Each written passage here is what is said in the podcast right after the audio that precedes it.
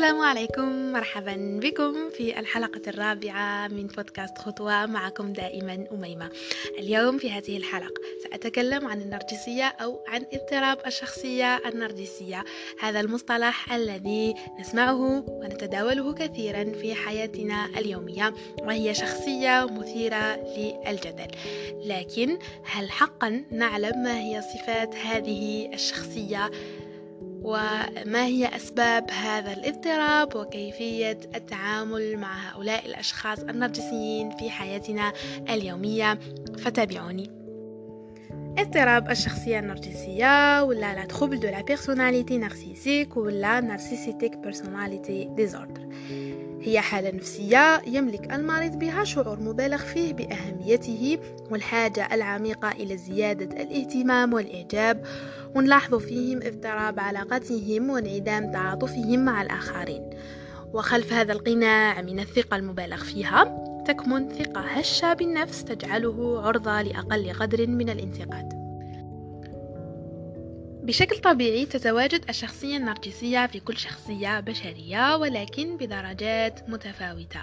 فكل إنسان سوي يرى أن لنفسه حق عليه يعني وأنه يحتاج لأن يحبها ويرى بأنه يستحق كل ما هو جميل في هذه الحياة. لكن إذا زاد هذا الحب عن المعدل الطبيعي يصبح له مضرة للإنسان وبالمحيط الذي حوله.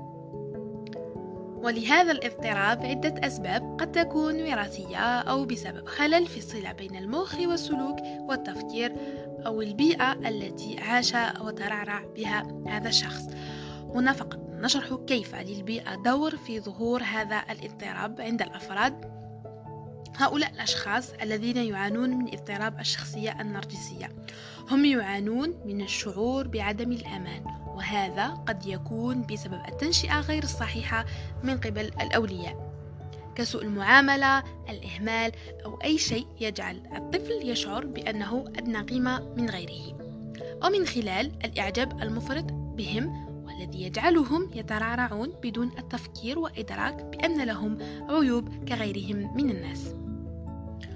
وهذا الاضطراب قد يسبب لصاحبه عدة مشاكل في مجالات الحياة اليومية كتعقيدات في العلاقات، مشكلات في العمل أو الدراسة، الاكتئاب والقلق، مشكلات صحية بدنية، وقد يصل به إلى إدمان تناول المخدرات والكحوليات وإلى أفكار أو سلوكيات انتحارية. الآن نحن كأشخاص ربما لدينا في محيطنا أشخاص يعانون من هذا الاضطراب سواء من العائلة من الأصدقاء محيط العمل أو الدراسة إلى آخره. وقد تكون علاقاتنا مع هكذا أشخاص هي عبارة عن علاقة سامة لأنهم أشخاص تهمهم غير نفسهم ويقدروا يكونوا مسيئين لنا لفظيا وعاطفيا. إذا كيف للشخص النرجسي أن يكون مسيء لنا عاطفيا ولفظيا؟ مثلا آه، عند توجيهه الإهانات لنا يعني تصل العلاقة لأن يوجه لنا الإهانات والشتائم ويتعمد إذلالنا أمام العلن ثانيا عند إلقائهم التهم غير حقيقية وتحميلنا مسؤولية كل ما يحدث من أخطاء أو أن يحاول عزلك عن المحيط الخارجي يعني يريد علاقتك وحياتك تتمحور حوله فقط ويبقى يراقب في حركاتك وتصرفاتك ليضمن عزلتك عن العالم الخارجي. يحاول قدر الإمكان إبراز عيوبك لتفقد ثقتك بنفسك أو يسلط عيوبه هو عليك ليجرحك ويجعلك أنت المخطئ في النهاية. بعد تعرضنا لكل هذه الإساءات وجب علينا اتخاذ موقف مع هؤلاء الأشخاص. فإذا كان هؤلاء الأشخاص هم أشخاص لسنا مجبرين على التعامل معهم فعلينا فورا الابتعاد وإبعادهم عن حياتنا. أما إذا كانوا من أفراد الأسرة رئيسنا في العمل أستاذ في المدرسة أو الجامعة فغالبا لا نملك خيار آخر سوى التعامل معهم. هذه بعض النصائح للتعامل مع الأشخاص النرجسيين إذا أجبرنا على التعامل معهم. أولا عليك أن تبقى هادئا وتلتزم الصمت في وجودهم لتجنب الدخول معهم في خلاف أو مشاجرة ليست لها أي فائدة.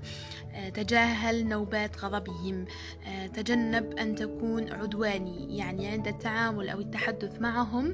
آه، في حالة ما إذا كان الزوج أو الزوجة نرجسي اجعل استجابتك لهم بالتعاطف لا بالغضب.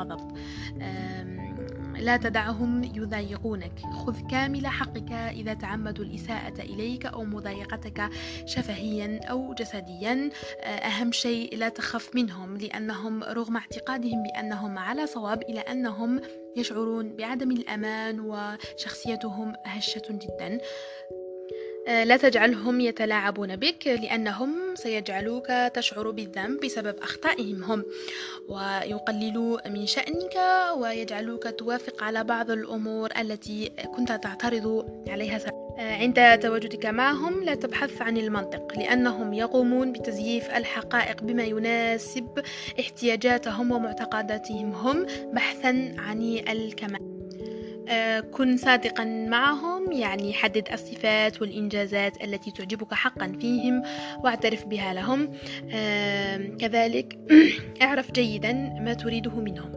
يعني يجب أن تحدد وتعرف ما تريده وتحصل قبل أن يحصلوا هم على ما يريدون منك. ولا تتوقع منهم أي وعود كذلك آه، فلتضع لك بعض الحدود في التعامل معهم.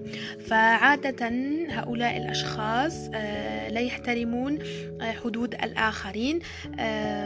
فلا تتردد في الاعتراض إذا حدث شيء لا يناسبك. وإياك أن تقلد الشخص النرجسي فإن لم تكن حذر فقد تظهر عليك بعض صفات النرجسية وخاصة إذا كنت تتعامل بشكل يومي مع شخص نرجسي. في حالة ما, ما إذا كان الشخص النرجسي هو رئيسك في العمل فحاول أن تجعل فكرتك هي فكرة مجموعة وليست فكرتك أنت فهذا سيجعل من الصعب عليه أن ينسب الفضل لنفسه. أه، لا تتوقع الكثير. فالشخص النرجسي يحافظ على وجودك في حياته لأنك تخدم أغراضه فقط وعندما ينتهي سيتخلص منك ويخرجك من حساباته. وتذكر دائما أنهم لن يعجبوا بك أو يهتموا بك.